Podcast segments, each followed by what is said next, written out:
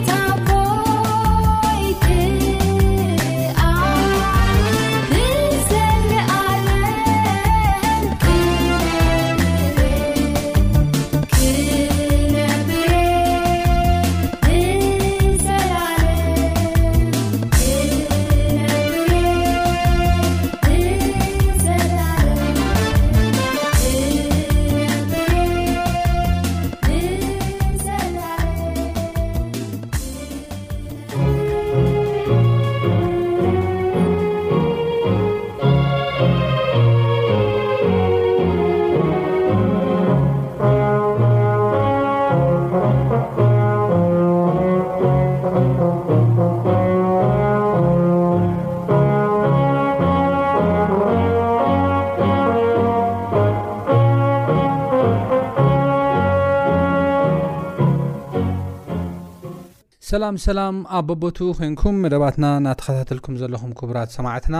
ኣብ ናይ ሎሚ ናይ ቃል ግዜና ድማ ንሪኦ በቲ ሒዝናዮ ዘለና ኣብ ማቴዎስ ምዕራፍ 6 ፍቕዲ 12 ከምኡውን 14 ዘሎ ሓሳባት ኢና ክንርኢ ማለት እዩ ክሳብ ፍፃሚ መደብና ምሳና ክፀንሑ ዝዕድም ኣነ ኣማን ፍሳሄ ምስ ቴክኒሻን ኢራና መልኣኽኩ ብምዃን እዩ እምበኣርከ ናይ ሎሚ እንሪኦ ሓሳብ በደልና ሕደገልና በደልና ከም ዝሓደግናሎም ዝብል ሓሳብ መቐልፀልቲ ኢና ክንርኢ ማለት እዩ ኣብዚ ሓሳብ እዚ ብዙሕ ሓሳብ እናዛህሰስና ብዙሕ ሓሳብ እናተናኸፍና መፂና ኢና በደልና ሕደገልና በደሎም ከም ዝሓደግናሎም ዝብል ሓሳብ ጎይታ ንዓና ዝኸብደና ምዃኑ፣ ናይ ሰብ በደል ይቕረ ክንብል ዝኸብደና ምዃኑ ንምንታይ እዩ እናፈለጠ ንምንታይ እዩ ንኻልኦት በደል ይቕረ ኢልና እቲ ናይ ኣምላኽ ቅድሚ ምስራት ዓለም ዝሃበና ይቕሬታ እቲ ናይ ኣምላኽ ምሕረት እቲ ናይ ኣምላኽ ጸጋ ክንቅበል ዝደለየ ሓድሓደ ግዜ መድሃኒት ምርር ዝበለ እዩ ኣብ ኣፍካ ጣዕሚ የብሉን ግን መድሃኒት እዩ ፈውሲ እዩ ንሕማምካ እውን ዘወግድ እዩ ኣብቲ ዘለካ ስቃይ እውን ዕረፍቲ ዝህብ እዩ ንሕና ከዓ ብሓጢኣት ዝተባላሸና ብሓጢኣት ድማ ዝሓመምና ፍጡራት ኢና ሓደ ክልተ ጥራሕ ኣይኮነን መፅሓፍ ቅዱስ ኩሎም ሓጢኦም ክብሪ ኣምላኽ እውን ስኢኖም እዮም እዩ ዝብል ስለዚ እግዚኣብሔር ንኹላትና ክንባረኽ ጸጋ ኣምላኽ ክንቅበል ናብቲ ልዕል ዝበለ ናይ ኣምላኽ ኣተሓሳስባ ናብኡ እውን ክንድይብ ካብቲ ዝወረደ ኣተሓሳስባ ወፂና ብዝለዓለ ሓሳስባ ብናይ ጥበብ ኣምላኽ ክንመላለስ ስለ ዝደለየ እግዚኣብሔር እዚ ከም ዝሃበና ኢና ርኢና ንርና ማለት እዩ ይቕረ በለና ኢልና ንጽልዮ እግዛብሄር ይቕረ በለልና ኢልና ስለ ዝጽለናዮ ሽዑ ዝህበና ይቕሬታ ዘይኮነስ ነገር ግን ኣቐዲሙ ዝተዓረቐና ኣቐዲሙ ይቕሪቱ ዝሃበና ኣቐዲሙ ጸግኡ ዝሃበና ከምኡ ዝብል ካልኣይ ቆሮንቶስ ምዕራፍ 5 ፍቕዲ 19 ክሳብ 20 ከምኡውን ሮሜ ምዕራፍ 5 ፍቕዲ 6 ቁፅሪ 8 ቁፅሪ 10 ከይና ንርኢ ኣለዋን ኣቐዲሙ ዝተዓረቐና ኣቐዲሙ ይቕሬታ ዝሃበና ኣቐዲሙ ዘፍቀረና ጎይታ ካባና ምላሽ ስለ ዝደሊ እዩ ይቕረ በለልና ኢልና ክንጽሊ ዘምሀረና። ካባና ምላሽ ይደሊ እዩ። እሱ ኦልሬዲ ይቕሬታ ሂብና እዩ። ነገር ግን ካባና ምላሽ ይደሊ እዩ። ይቕሬታኻ ሃበኒ ክንብሎ ይደሊ እዩ። ኣገዲዱ ክጽዕነና ኣገዲዱ እንካናትካ ይኹን ክብለና ኣይደልን እዩ ኢንፋክት ናይ ክርስቶስ ሞትን ትንሳኤን ነቲ ናይ ሓይሊ ሞት ሰይርዎ እዩ ሕጂ ብኡ ዝኣምን ኮነ ብኡ ዘይኣምን ብክርስቶስ እቲ ናይ ሓይሊ ሞት ስለ ዝተሰብረ ክርስቶስ ዳግም ክመፅእ ከሎ ፃድቃናት ክትስኦም ኣብቲ ካልኣይ ድሕሪ ሽሕ ዓመት ድማ እቶም ሓጢኣተኛታት ክትስኦም ይገርም ነገር ግን እቶም ሓጢኣተኛታት ንክመለሱን ሓጢኣት ድማ ካብ ህይወቶም ንኸወግዱን ፍቓደኛታት ስለ ዘይኮኑ ጥራሕ ግን ኣብ መወዳእታ ንዘለኣለም ከም ዝጠፍኡ ናብቲ ንሰይጣንን ንመልኣኽቱን ዝተዳለወ ናብቲ ንሰይጣንን ንመልኣኽቱን ዝተዳለወ ገሃነብ እሳት ወይ ድማ ገሃነብ ሓዊ ናብኡ ከም ዝድርበ ኢና ንርኢ ማለት እዩ እምበር ኣቐዲሙ ናይ ሞት ሓይሊ ሲሩ እዩ ንሱ ጥራሕ ግን ኣይኮነን ኣቐዲሙን ተዓሪቕና እዩ ኣቐዲሙን ጸጉ ሂብና እዩ ኣብ ቅድሚ ኣምላኽ እንቆመሉ ናይ ዘለዓለም ሂወት እንረኽበሉ ሂብና እዩ ኣነ ኣብዚ ሓሳብ እዚ ብጣዕሚ ዝገርመኒ ነገር እዩ ተበዲሉ ክነሱ ብሓሳብናን ብተግባርናን ጸላእቲ ኣምላኽ ክነስና ኣብ እግዚኣብሄር ኣብ ዝሃብና ሂወት ሓጢኣት ምስራሕ ሂወትና ብምብልሻው ንእግዚኣብሔር ብምስሓትና ብምሕዛና ከይኣክል ነቲ ኣምላኽ ዝሰርሖ ነገር ጽቡቕን ውቁብን ኣዝዩ ገይሩ ዝሰርሖ ነገር እናበላሽና ካብኡ እናርሓቕና እናሃለና ሲ እቲ ተበደለ ኣምላኽ ግን መልሹ ንዓና እቲ ንዓና ካብ ኣምላኽ ዘርሓቐና ሓጢኣትና ሴሩ በቃ ኣነ ኣይሓዘንኩን በቃ ኣፍቂረኩም ወላ በዲልኩምኒ ኣፍቂረኩም እየ ኢሉስ እቲ ናይ ሓጢኣት ሓይሊ ሲሩስ እንደገና ናብኡ ከቕርበናስ እንደገና ተኣሽሙ ከም ዝገበረ ኢና ንርኢ ስለዚ እዞም ርሒቖም ዝነበሩ ደቂ ሰባት እዚ ናይ ኣምላኽ ይቕሬታ ከም ዝተቐበልዎ ናይ ኣምላኽ ጸጋ ናይ ኣምላኽ ፍቕሪ ከም ዝተረድእዎ ክርእዩ ይግብኦም እዩ ንዕዩ ይቕረ በለልና ኢልኩም ጸልይሉ ተዋህበ ማለት እዩ ይቕሬታ ኣምነ ሂበኩም ኣለኹ እቲ ይቕሬታ ንክትቀበሉ ግን እዚኣ ግበሩ ኢሉ ዝሃበና ማለት እዩ እሞ እዚን ካልኦትን ዓይነት ሓሳባት ኢና ርኢና ነርና ማለት ሎሚ ከኣ እዚ ዓይነት ጸሎት ኣዝዩ ዝባርኽ ዝባርኽ ዝኾነ ሓሳባት ኣለዎ ኣብ ዝሓለፈ ከም ዝከር እዚ ጸሎት ዝጽልዩ ሰባት ሓቀኛ ንስሓን ኣብ ሂወቶም ከም ዝንስሑ ኢና ንርኢ እዚ ኣብ ሉቃስ ምዕራፍ 7 ፍቕዲ 36 ክሳብ 50 ዘሎ ብዛዕባ እቲ ተጋውን ብዛዕባ ፈሪሳውን ሰባት ርኢና ነና እዚ ተጋዊ ኣብ ቅድሚ ህዝቡ ዘይፍቶ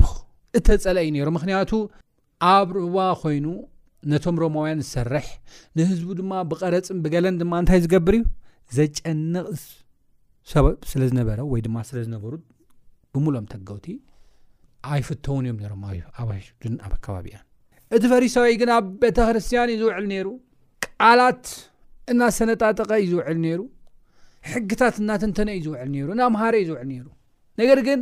ኣብ ቅድሚ ኣምላኽ ቀሪቦም ክጽልዩ ከለዉ እቲ ተጋዊ ኣብ ቅድሚ ኣምላኽ ተቐባልነት ረኺቡ እቲ ፈሪሳዊ ግን ተቐባልነት ከይተረፈ ኢና ከይረኸበ ከተርፍ ከሎ ኢና ንርኢ እዚ ካብ ምንታይ እዩ ክንብል ከለና እቲ ቀዳማይን ተወሳኒ ነገር እቲ ፈሪሳዊ ጽልዮ ዝነበረ ጸሎት ሓደ ሓጢኣተኛ ምዃኑ በዓል ዕዳ ምዃኑ ካብ ዘይምግንዛቡ ዝተላዕለ እዩ እንታይ ኢሉ ይጽሊ ነይሩ ኣነ ከምዞም ተገውቲ ከምዞም ሓጢኣተኛታት ከምዞም ኣመንዝራታት ስለ ዘይኮንኩ ኣመስግነካ ኣለኹ ኢሉ እዩ ጸልዩ እዚ ማለት ሓጢኣተኛ ምዃኑ እግዚኣብሄር ኣብ ዝሃቦ ህይወት ሓጢኣት ሰሪሑ ህይወቱ ከም ዘባላሸወ ኣባላሽዩ ከዓ ናይቲ ሓጢኣት ዋጋ ከም ዘይተቐበለ በዓል ዕዳ ከም ዝኾነ ዕዳ ሒዙ መዓልቲ መዓልቲ ይዘውር ከም ዘሎ ከይተገንዘበ እዩ ናብ ኣምላኽ ዝቐርብ ነይሩ። እቲ ተጋዊ ግን ኣነ ሓጢኣተኛ ባርያኻ፣ ኣነ ዓመፀኛ ባርያኻ ይቕረ በለኒ እናበለ እናበኸየ ደረቱ ኣፍ ልቡ እናወቕዐ ናብ ላዕሊ እኳ ቁሊሕ ክብል ኣይደፈረን። ብከምዚ ዓይነት ነገር ይፅሊ ነበር የብለና መፅሓፍ ቅዱስ ሓጢኣቱ ዝተረድአ ዓመጹ ዝተረድዐ ዕዳ ዘለዎ ሰብ ምዃኑ ዝተረድዐ ሰብ ኢና ና ካብ ዝተላዓል ፀዲኦ ከምዝኾነ ኢና ንርኢ ስለዚ በደሎም ከም ዝሓደግናሎም በደልና ሓደገልና ዝብል ፀሎት ክንፅሊ ከለና ሓቀኛ ዝኾነ ንስሓ ልክዕ ከም ዝተጋዊ ዝኣተወ ንስሓ ክንኣቱ የረድኣና እዩ ዝብል ርኢና ና ሎሚ ከዓ ንሪኦ ካብ ናይ በደል ስምዒት ካብ ናይ ሕልና ክሲ ነፃ ይገብረና እዩ ብጣዕሚ ዝገርም ነገር እዩ ካብ ዕለታት ሓደ መዓልቲ ሓንቲ ቆልዓ ኣዲኣ ኣዝያ ትፍቶ ዝነበረት ሸሓነ ትሰብር እሞ ክትሰብር ከላ እታ ሰራሕተኛ ትሪያ እዛ ሰራሕተኛ ምስ ረኣየታ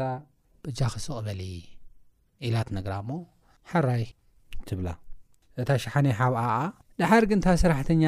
ከም መፈራርሒት ገይራ ሒዛታ። እታ ቆልዓ ብ ምስባራ ኣዝያ ከም ዝተሸማቐቐት፣ ኣዝያ ከም ዝፈርሐት፣ ናይ በደል ስምዒት ከም ዝተሰምዓ ምስ ረኣየት፣ እታ ሰራሕተኛ ከኣ ብዝበለጸ ብዛየደ ነታ ቆልዓ ንኸተሸማቐቓ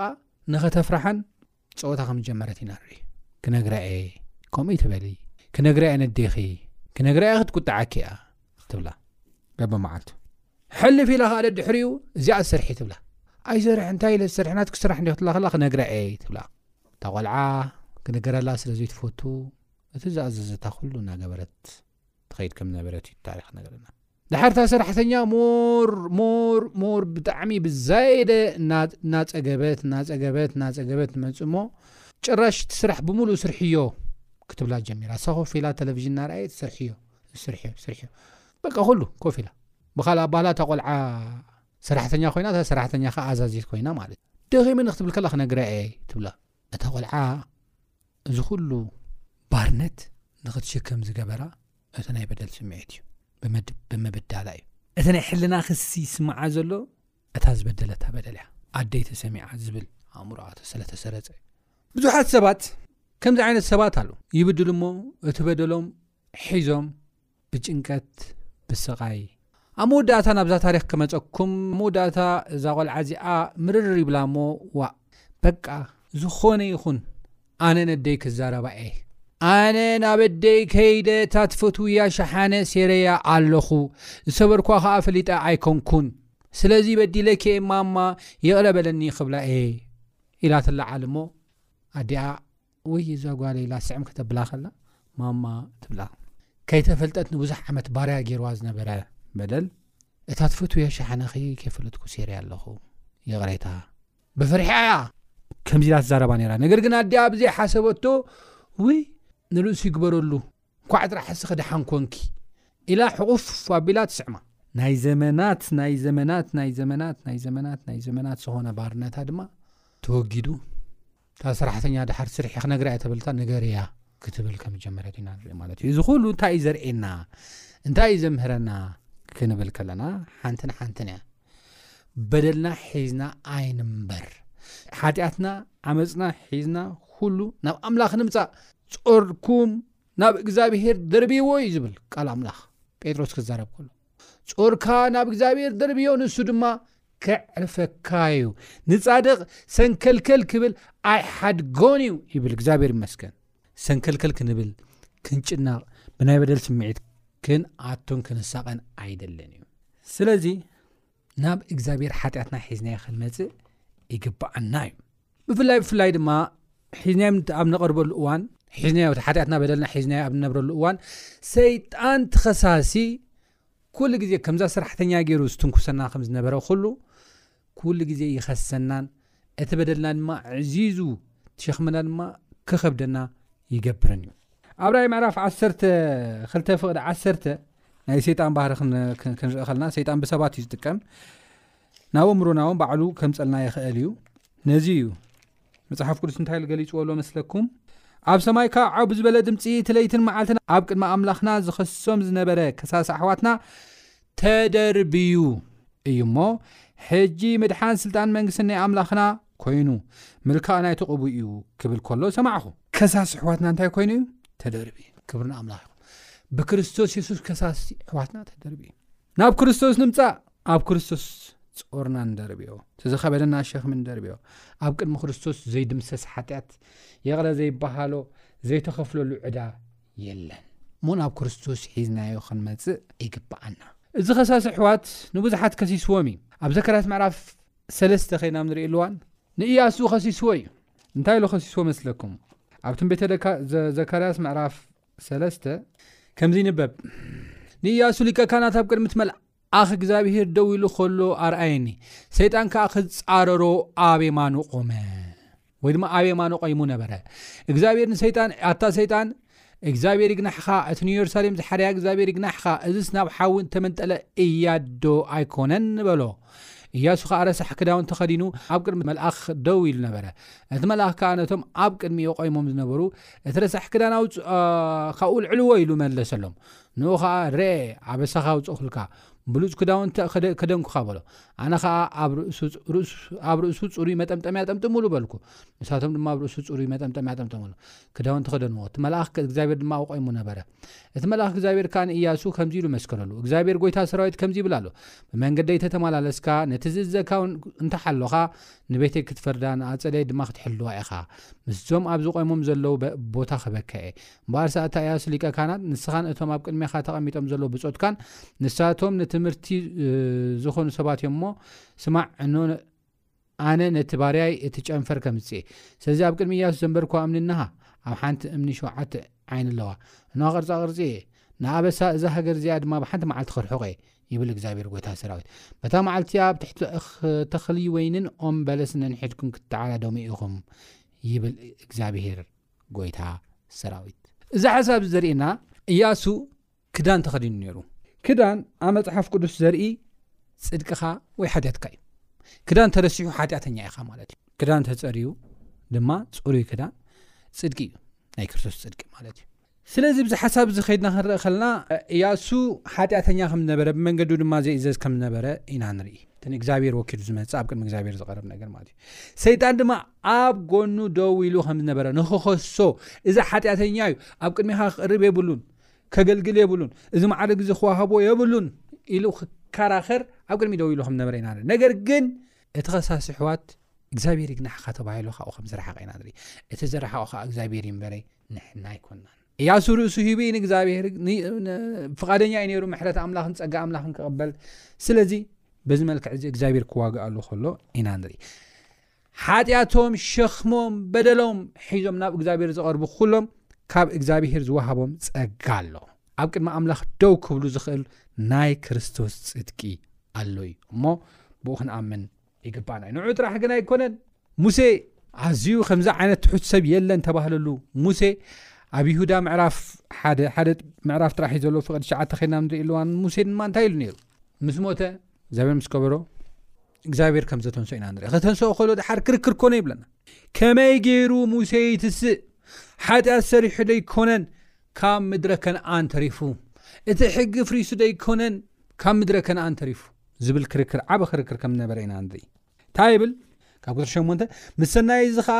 እዚኣቶም ከምኡ ገይሮም ብሕልሞም ንስጎም የርክስዎ ንጎይትነቶም የቃለሱ ንማዕረጋት ክብርን ይፀርፉ ኣለዉ ይብል ሚካኤል እቲ ሊቀ ካህናት ግና ብዛዕባ ስጋ ሙሴ ምስ ዲያብሎስ እናተኸራኸረ ምስ ተማጎተ እግዚኣብሔር ይቅንሕኻ ደኣ በሎ እምበር ፍርዲ ፀርፊ ክዛረቦ ኣይደፈረን እዚኣቶም ግና እቲ ዘይፈልጦ ይፃረፎ እናበለ ይቕፅል ስለዚ እግዚኣብሔር ይግናሕኻ ኢሉ ሕጂ እውን ክዛረብ ከሎ እዚ ኢና ንሪኦ ማለት እዩ እግዚኣብሔር ይግናሕኻ ሙሴ ድማ ብናይ እግዚኣብሔር ጸጋ ብናይ እግዚኣብሔር ጽድቂ ከም ዝተንስአ ኢና ንርኢ ንኻልኦት እውን ከሲስዎም እዩ እግዚኣብሔር ይግናሕኻ እናበለ ግን እግዚኣብሔር ብጸጉኡ ከተንስኦም ከሎ ኢና ንርኢ ማለት እዩ ጎይታ ሓጢኣትና ጾርና ናብኡ ሒዝና ብ ንቕርብሉ እዋን ሓጢኣትና ይቕረ ከም ዝብለና በደልና ምብራቕ ካብ ምዕራብ ከም ዝርሕቕ ከም ዘርሕቐልና እዩ ዝዛረበና እሞ ጾርና ናብ እግዚኣብሔር ሒዝና ክንመጽእ ብሕልና ክሲ ብናይ በደልነት ስምዕት ክንሳኽ ከም ዘይግባኣና እዩ ዚ መፅሓፍ ዘምህረና እሞ እዚ ክንገብር እግዚኣብሔር ፀጉ የብዛሓና ኣብ ዝቕፅል ናይዚ መቓፀልታ ሒዘልኩም ክቐረበ ክሳብ ዝቕፅል ሰላም ኩኑ ጎይታ ይባርኩም